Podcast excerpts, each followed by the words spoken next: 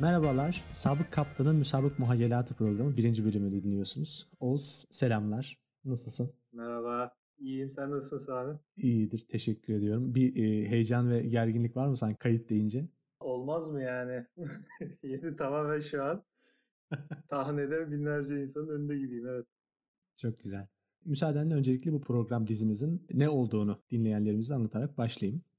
Bu tuhaf ismi nasıl bir iş için beğendik de kullanıyoruz. Bundan bahsederek zincirimizin ilk halkasını bağlayalım. Öncelikle ismi nasıl buldun? O isim hususundaki ilk fikirlerini alabilir miyim en başta? Ya başkası koysa biraz kolpa derdim direkt. bir iticiliği var kendi içerisinde. Çünkü e, e, tabii tabii tabii. Nihai aynen. kullanıcıya ulaşacak gerekli numuneler yok sanıyorum içinde. Cümlenin içerisinde veya keywordlerde. Ama şunu diyebiliriz belki de yani benim durumumu anlatacak modern Türkçe'de şu an bir kelime mevcut değil. O anlamda yani eski Türkçe'ye başvurmamız doğaldı bu konuda. Kendi ilgi alanımızda da e, rabıtalı olması Yani bakımında. biraz bazı kendi içerisinde ufak nasıl söyleyeyim zorluklar olması da çekici gibi geldi bana ama umarım bir hayal kırıklığına uğramayız bu nedenden bu isimden dolayı. Yani bir sözlük açtıracağız yani bilmiyorum. Hiçbir şey yapamazsak üç kelime öğretmiş oluruz bilmiyorum. Öyle öyle bir misyonda yüklenmiş olalım. Umarım e, bir hayra geçeriz böylelikle değil mi?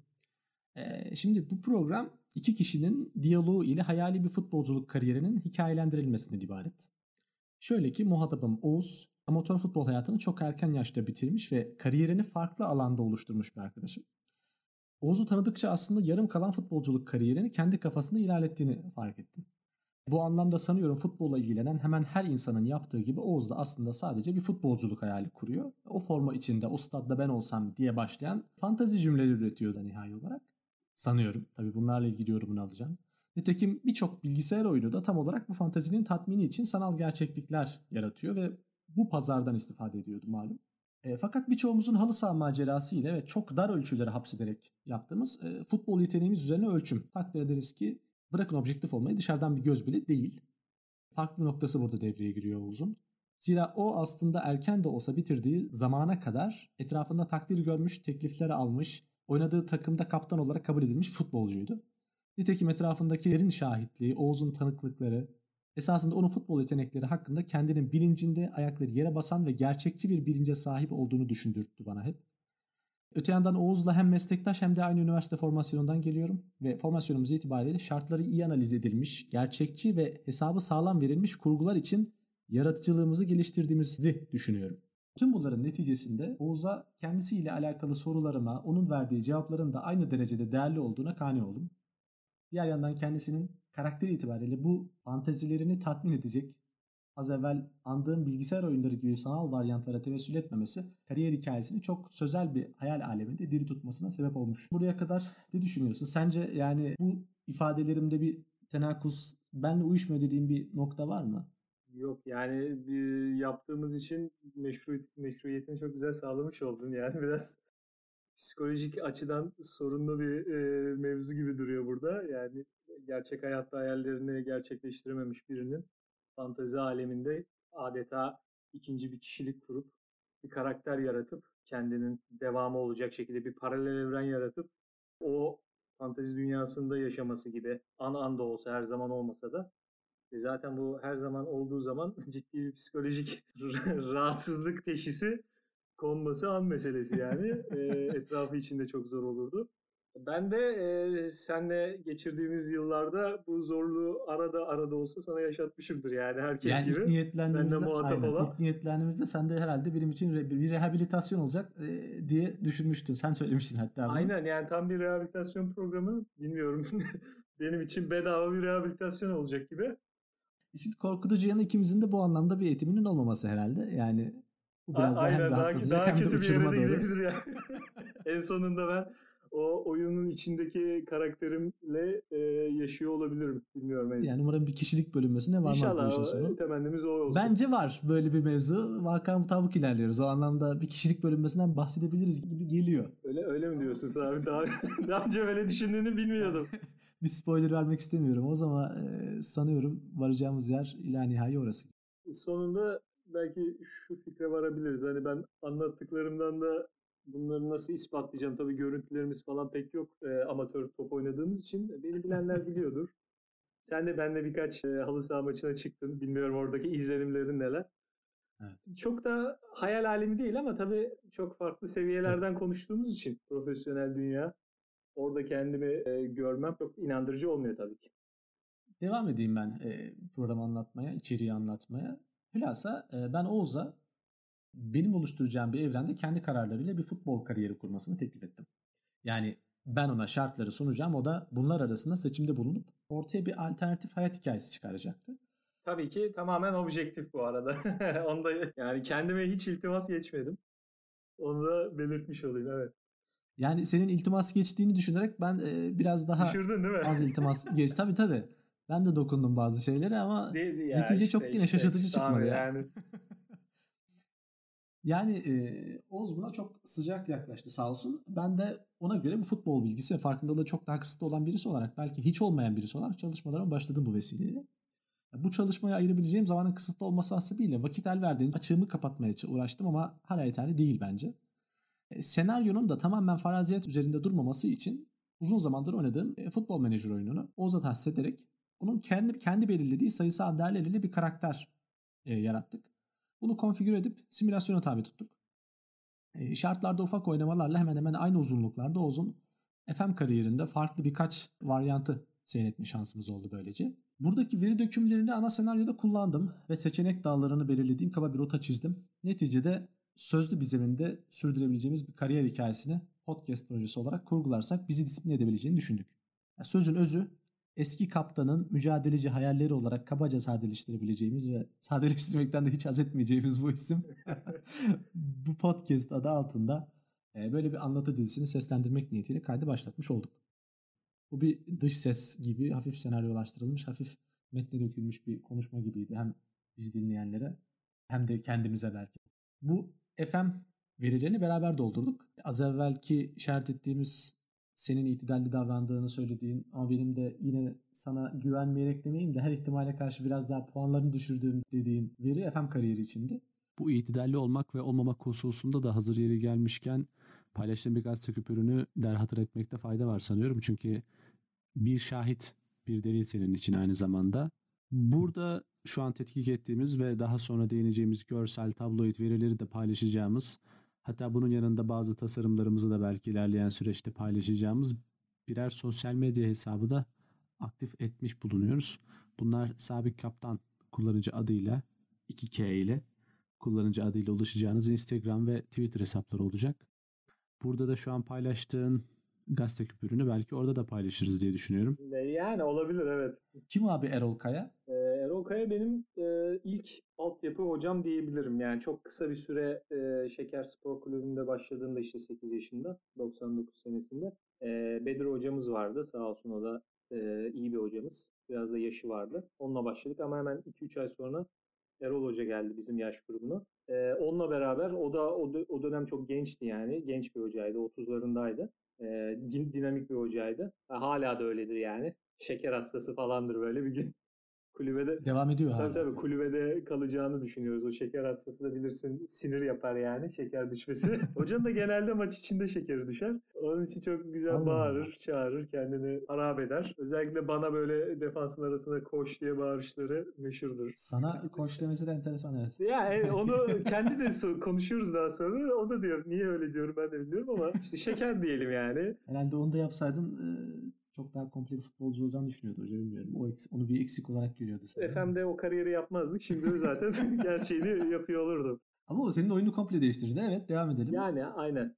Ee, bu sana attığım, paylaştığım gazete küpürü e, malum yani pandemi dönemindeyiz. Yerel gazetelerin spor servisleri de herhangi bir spor faaliyeti olmadığı için sayfalarını doldurmakta çok zorlanıyorlar. Bizim yerel gazetecilerimiz yani ilişkilerimiz de yakındır, iyidir. Onlar da cevval e, abilerimizdir.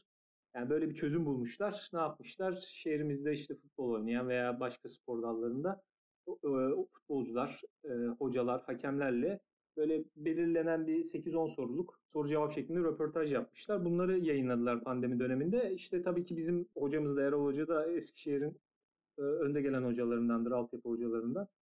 Onunla da yapmışlar. E, orada senin de gördüğün üzere bazı sorular var. Bunlardan... Çok güzel döküman. Evet. Yani yerel e, futbol tarihi için Mehmet Yüce falan yazdığında hep yakındığımız o futbol tarihinde veri yok. Hala veri yok. Yani 2010'dan öncesi için doğru dürüst futbol e, maçlarının kaydı da yok hala elimizde. Arşiv anlamında ciddi sıkıntı var. Bu, bu da çok kıymetli. Yani şu an yapılıyor olması aslında olayı çok nasıl söyleyeyim basit veya genel geçer bir şey diye değil ama hakikaten kıymetli bir veri aslında baktığında. Bir bir adam Eskişehir futbol tarihi için önemli bir figür bir Bizler yani. için güzel de hatıra alıyor o camia Tabii. için. Ee, zaten herkes biliyor yani bu quiz programı vardı Lig TV'nin. O güzel bir programdı o anlamda yani e, ligin hafızasını oluşturmak anlamında işte futbolcuların, antrenörlerin birbirleriyle ilişkileri, kendi kişisel e, sporculuk tarihindeki yaşadıkları önemli anları orada söylemeleri, e, bizlerle paylaşmaları. Hakikaten o anlamda futbolun magazinsel kısmı her zaman ilgi çeker ya o televolelerden itibaren. O da güzel böyle toparlayıcı bir programdı. O tatta bir e, seri yaptılar, röportaj serisi. İşte soruları görüyorsun. Teknik direktör idolünüz falan. Çalıştığınız en iyi golcü gibi sorular. İşte mesela bir tane soru hak ettiği yere gelemediğini düşündüğünüz yetenek var mı? Yüzlerce oyuncuyla çalışmıştır yani 30 senede. O burada direkt benim adım vermiş. Oğuz demiş bu soruya cevabı. Ondan sonra bir soru daha var görüyorsun 5. soru. Çalıştığınız en yetenekli futbolcu orada da Oğuz adını veriyor. Hocanın peki kazandırdığı futbolcu var mı bildiğimiz, tanıdığımız? Eskişehir'den çıkan veya Var, var bir tane Ha, var. tahmin Ee, o da yani en olmayacak Kayacan Erdoğan. Ya tahmini çıkmadı. Kayacan'ı yani gurme Süper Lig e, izleyenleri bilir anca. Sanırım en son Erzurumspor'un yedek kalecisiydi veya ikinci kalecisi. İşte şeyde de Eskişehir Spor'da da birinci kaleciliğe yükselmişti. Sivas Spor'a falan da gitti yanılmıyorsam. Pardon Kayseri Spor olması lazım. Hatta onun hikayesi de vardır Kayacan. Kayacan abidir bizim şeyimizde. Çünkü 87'li e, olması lazım. Bizden 4 yaş büyük. O böyle standart futbolcu nasıl yetişir? Kenar mahallelerde. işçi sınıfı çocuğudur futbolcu. Kayacan da yetenekli ama biraz yani böyle idman disiplini olan biri değil. Bizim Erol Hoca da böyle hafif baba abi gibidir. Yani bunun yeteneğine inanıyor ve bunun bildiğin sokaklardan falan idmana götürüyor. Hani az daha böyle yanlış yollara tevessül edecekken onu kazandırıyor. Ee, ısrarcı oluyor onda ve hakikaten profesyonel oldu ve yıllardır profesyonel bir şekilde ekmek yiyor yani bu işten. Erol Hoca'nın peki futbolculuk geçmişi var mı? Yok o kalecidir amatör e, Ha, tamam, kulüplerde şimdi ve çok güzel ifadesi vardır kaleci olduğu için eski. Hep şunu derdi. Kaleciler olur. Bu onun tek veciz ifadesi vardır. Lafı da budur yani. Kale oğlum oğlum kaleciler olur yani. Bu budur tamam. Siz kalecilere bakmayın. Allah kaleciler olur. Yani bunu bütün kalecilerden e, onlara selam ola, olsun diyelim. Ne diyelim? Onları oluyor hep bu, bu durumda. Alacak şekilde ama adamın kendisi kaleci yani o diyor. Çünkü Senin senin başka bir mevki hakkında böyle bir yargın var. Onu ilerleyen vakitlerde alırız tekrar. Bilmiyorum. Evet, evet. Küçük bir amatör geçmişi olan benim de senin tam olarak hakaret ettiğin mevkide yer almış olmama sebebiyle aslında içimi acıtmıyor değil. Onu sen söyle bari yeri gelmişken. Sol bekler alır diyorsun sen. Bunu ne zaman dedim ben yani yok. Sol beklerle aram iyidir benim. Yakın arkadaşlarım da var yani. Buradan yani sen genelde sol tarafta da oynamayı seven biri olduğun için aslında benim senin alver yapacağın oyunu kurmasın için yaklaşacağın adam sol bek olması gerekiyor. aynen ben bunu Sanki. e, ben bunu inkar da etmek istiyorum şu an. Ne ara dedim? Kanıtı var mı? Tamam teksip için sana bir zaman vereceğim. Ee, savunmanı iyi hazırla diyeyim o zaman. Evet ee, kıymetli dinleyenlerimiz. Pilot bölüm olarak hazırladığımız için haliyle ses kalitesi, metin akışı belli bazı acemilikler içeriyor. Bunları da küçük bir kamuoyu yoklaması yaptıktan sonra belki 3 veya 4 bölümü daha sonra yayınlayabiliriz. Bu kaydı bir ulusal veya uluslararası bir podcast sağlayıcısı, podcast platformundan dinliyorsanız da bu küçük kamuoyu yoklamamızın, oylamamızın da olumlu sonuçlandığını anlayabiliriz. Az evvel bir Eskişehir lokal futbol tarihinden ufak bir yakın dönem dokundurmasında olduğu gibi güncelle, aktüelle olan da bazı yorumlarımız, yorumların oluyor. Onları da paylaşmak için bir platform olur niyetindeyiz bu podcast'in. Şimdiye kadar e, anlatmaya çalıştığım şekliyle geçmiştir diye umut ediyorum ama tekrar üzerinden gidersek aşağı yukarı yarım kalan bir futbol kariyerinin tamamen bir diyalog çerçevesinde tekrar diriltilmesi ve devam ettirilmesi, bir paralel evrende canlandırılması diye niyetlendiğimiz bir program serisi bu. Muhatabım Oğuz'un yarım kalan ve çok gelecek vadeden amatör futbol kariyerinin benim kuracağım, benim belirleyeceğim şartlarla, soracağım sorularla, alacağım cevaplarla kendi çapında bir alternatif senaryolar belirleyerek bunlar üzerinden gitmesini sağlayacağım bir muhabbet programı. Bu program dizisi. Bu şekilde bağlamış olalım. İçeriğin nasıl olduğuyla alakalı. Evet sanıyorum anlaşıldı yani. Yani umarım Format. anlaşılmıştır.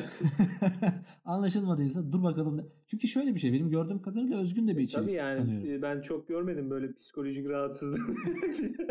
açık açık ifade edip podcast üzerinden yayınlayan. Canlı yayına tedavi edilmeye çalışılması böyle Yani. bir psikolojik rahatsızlığın tabii hem de ehil olmayan kişiler tarafından Yani bence şeye de yakışan bir format yani biraz düşündüm de böyle e, şey gündüz e, vakti ATV'ye falan böyle şey, ulusal kanallarda. fevkalade nihai kullanıcının gereklerini, pazar alışkanlıklarını düşünerek hazırladığımız bir içerik yani öyle baktığında. O anlamda vasata da hitap eden böyle bir vahşi bir tarafı da var yani böyle rahatsızlığı olan birinin. Çok sofistike olmayan bir program yani evet. Ama bunun biraz önce söylediğim gibi insanlar haliyle bu e, fantazilerini, bu hayallerini e, sanal alemde geçirmeye çalışıyorlar. Tedavi etmeye çalışıyorlar. Yani futbol menajer veyahut birçok farklı futbol oyununun birçok farklı futbol oyununun esprisi bu. Son birkaç senede FIFA Journey diye bir ek çıkarıp orada bir karakterin menajeriyle olan sorunları, sorunlarından ailesiyle olan sorunlarına kadar her şeyi değinerek tamamen bir sanal kariyer oluşturmaya çalışmıştı mesela. O yüzden aslında böyle şeyleri insanlar konuşarak veya böyle bir ortamda paylaşarak tedavi etmeye veya tedavi etmeye çok fazla kullandık ama geri geçirmeye çalışmıyorlar sanki. Bizimki o yüzden biraz farklı. Yoksa çok da değişik bir şeyden bahsediyoruz, değişik bir içerikten bahsediyoruz gibi gelmiyor. Ya aynen şaka bir yana herkesin hayatında gençliğinde büyürken hayalleri vardır geleceğiyle alakalı ve genelde özellikle Türkiye şartlarında insanlar büyüdüğünde bu hayallerini gerçekleştirememiş olurlar. Çok büyük bir oranda. Aynen büyük oranda öyledir. Yani %90 diyebiliriz rahatlıkla. Ve bu durumda insanın içinde bir ukde e, yaratır. Yani bu, bu herkese hemen hemen futbolla ilgisi olan olmayan benim e, şahsi tarihimde futbolun öyle bir yeri var. İçinde kalan ukde o. Herhangi birinin başka bir e, yeteneği vardır. Onu hayata geçirememiştir. İleriki yıllarda çok hoşuna gitmeyen bir iş yapıyordur belki zevk almadığı. Sadece maişetini sağlamak için. O anlamda herkes bir şekilde bağ kurabilir bu hikayeyle. Aslında benim hikayem bir Türkiye hikayesi falan değil. Anlatsam podcast olur. bir başkadır Evet. falan oralara gideriz yani. Orada ben klişe bir karakter olabilirdim yani. İşte tesettürlü biri, ülkücü, ülkücü solcu falan ve ben. o kadar klişeyim bence. Buradan sonra benim içerikte anlatacağım bir şey yok zaten. Sonraki bölümlerde yavaş yavaş biz de esasında nasıl olacağını göreceğiz. Bu, bu bizim pilot bölümlerimiz olduğu için aşağı yukarı biz de bilmiyoruz. O anlamda ilerleyeceğiz. Hazır sen de ufak ufak flashbackler yapmaya başlamışken de devam edelim istersen. Yani niye senle konuşuyoruz ki böyle bir içeriği seninle niye heba ediyoruz ki? Evet, sen kimsin diyorsun genel olarak. Yani evet e, bu anlamda benim kim olduğum çok insanların umurunda olmaz ama yine de e, madem böyle bir şeye giriştik ifade edelim. E, bu konumuzla bağlantılı olarak ben 91 doğumluyum. 8 yaşında Eskişehir'de yola başladım. Yani bir kulübe yazılarak. O dönem sokakta oynuyorsun falan. Bir kulübe yazılmak mevzusu vardır. bu vizyonu senin aklına kim soktu? Durup dururken yani Aynen güzel soru bu. sokakta oynayacağına git şu sahada oyna. Tabii 8 yaşında falan bir laflar vardır. Kulüp mulüp nedir bu? O kulüp amatör kulüp ama senin için büyük şeylerdir yani o ve e, benim eniştem hakemlik yapıyordu. O dönemde bir fiil hakemdi Eskişehir'de. Klasman hakemi değildi. O futbol camiasını bu hasetle biliyordu yani. O yüzden benim de hani mahallede sürekli futbol oynadığımı ve iyi oynadığımı da duyunca işte böyle ben de anlatıyordum falan. o zamanlar da anlatıyordum. sürekli Böyle, anlatıyorum. böyle olsun her programın sonunda ağlayarak bitirin. böyle. Aynen falan böyle şey yaşıyorum burada. Patlama ağlayarak bitireceğim en sonunda. Ampul çaktı yani. O dönemde de anlatıyormuşum. Güzel. Böyle tabii teknolojik imkanlar yoktu. O da dedi ki bu kadar o da gördü herhalde işin esprisi tabii yani oynuyorum o anlamda. Senin dedi şey yazdıralım. Bir kulübe yazdıralım. O dönemde e, e, bizim evimiz işte Eskişehir'i bilenler bilir. Şimdi şehir merkezinde kalan bir şeker fabrikası vardır. Yani Taşra'daki şeker fabrikası veya başka fabrikaların olduğu şehirlerde o fabrika e, nedir? İnsanlar takdir edecektir onu. O dönemde 30'larda kurulmuş bir fabrika olarak şehrin dışında olan o arazi benim doğduğum zamanlarda iyice şehrin neredeyse merkezi göbeğinde kalan böyle bir araziydi. Ve bizim evimizde çok yakında oraya yürüme mesafesi 10-15 dakika yani. E, o küçük yaşta yani işte vesayet kullanmadan gidebileceğim yürüyerek bir kulüp. O e, fabrikanın müessese takımı olarak Şeker Sporu vardı ve o dönem 3. ligdeydi. Yani profesyonel de takımı. Ve aynı zamanda altyapı olarak da Eskişehir'in en iyi altyapısı oradaydı. Eskişehir Spor o dönem tam yerlerde olduğu, süründüğü dönemler. Tamam ikincilik B kategorisi vardı o zaman. Orada yer almasına rağmen altyapısı falan çok iyi değildi. Yani sonradan ben bunları öğreniyorum zaten girdikten sonra. Eniştem işte Eskişehir Spor yerine hem evime daha yakın hem altyapısı daha iyi olan Şeker Spor'a beni Tesis yani bayağı bir futbol tesisi aynı zamanda. Ya, yani. Çok çok iyi. Onun da şeylerini paylaşabiliriz. Ee, şöyle anlatayım ben biraz tesisi. Benim hayatımda da çok önemli bir yer. Yani insanların da bilmesini isterim. Güzel bir e, şey çünkü nasıl diyeyim imkan e, Eskişehirli için ama Eskişehirliler de bunu bilmez. Niye bilmez? E, Çünkü fabrika arazisi olduğu için Kendi içinde kapalıdır. Yani fabrikaya giremezsin. İşi olmayan oraya giremez hakikaten. Güvenlik vardır kapısında.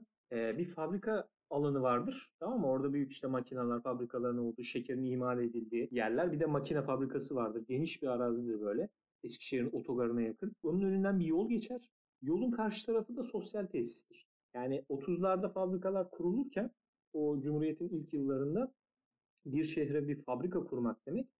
O fabrika aracılığıyla o şehri işte standartlarını aklınıza ne gelirse yani ekonomik standartlarını yükseltecek bir tesistir aynı zamanda. O fikirle kurulmuştur. Sadece orada makineler ne üretilecekse onun makineleri yoktur. Yani onu şeker fabrikasında, Eskişehir Şeker Fabrikası'nda çok iyi görürsün. Sosyal tesis diye bir bölümü vardır yani özel. Orada işte lojmanlar öncelikle memur ve işçi e, takımının kaldığı. Onun yanında da o memur ve işçi sınıfının fabrikanın çalışanlarının yararlanacağı sosyal tesisler vardır. İşte orada bir yüzme havuzu vardır, tenis kortu vardır. Bu şeyde de e, güzel göstermişti onu. Kelebeğin Rüyası filminde. E, hatırlıyor musun? Zonguldak'ta geçiyor ya film. Orada Zonguldak'taki işte fabrikanın e, içinde hatta e, başroldeki kız da e, kalantor bir babası vardır orada. Hatta milletvekili mi neydi bilmiyorum veya fabrikada önemli görevli. Tenis oynuyorlar 1940'ta. Böyle mesela dü- ya düşünsene böyle şey gibi ütopik bir roman gibi Zonguldak'ta 1940'ta tenis oynanıyor. Böyle bayağı beyaz böyle şey kıyafetler. Yani nasıl bir e, hayal yani Cumhuriyet'in tasavvurunu görüyorsun Tabii. orada. Hakikaten o doğru bir şey. Ben onu şeyde gördüm. Tenis kortu yoktu bizim sosyal tesislerde ama yani yüzme havuzunun olduğu, işte spor salonunun olduğu, bir sinema salonunun olduğu, düzgün bir restoranın memur lokantası denir. O restoranın olduğu. Yani oraya bazı kurallar vardır. Şey gibidir Her yani. anlamıyla bir vizyon bahşeden, vizyon vadeden bir altyapı. Aynen yani şey vardı bilmiyorum sen izlemiş miydin Seinfeld'in bir bölümünde e, bir restorana giriyor Friars Club mı ne yani kulüp gibi böyle. Ceketsiz giremiyorsun mesela oraya. Ceketsiz geldiysen o kulüp sana bir ceket veriyor orada. İçeride oturamazsın yani. Ben onu oturma kalkma adabını da orada görenlerden biriyim genç olarak. O terbiyeyi de gördüm yani. Ee, öyle bir tesis düşün.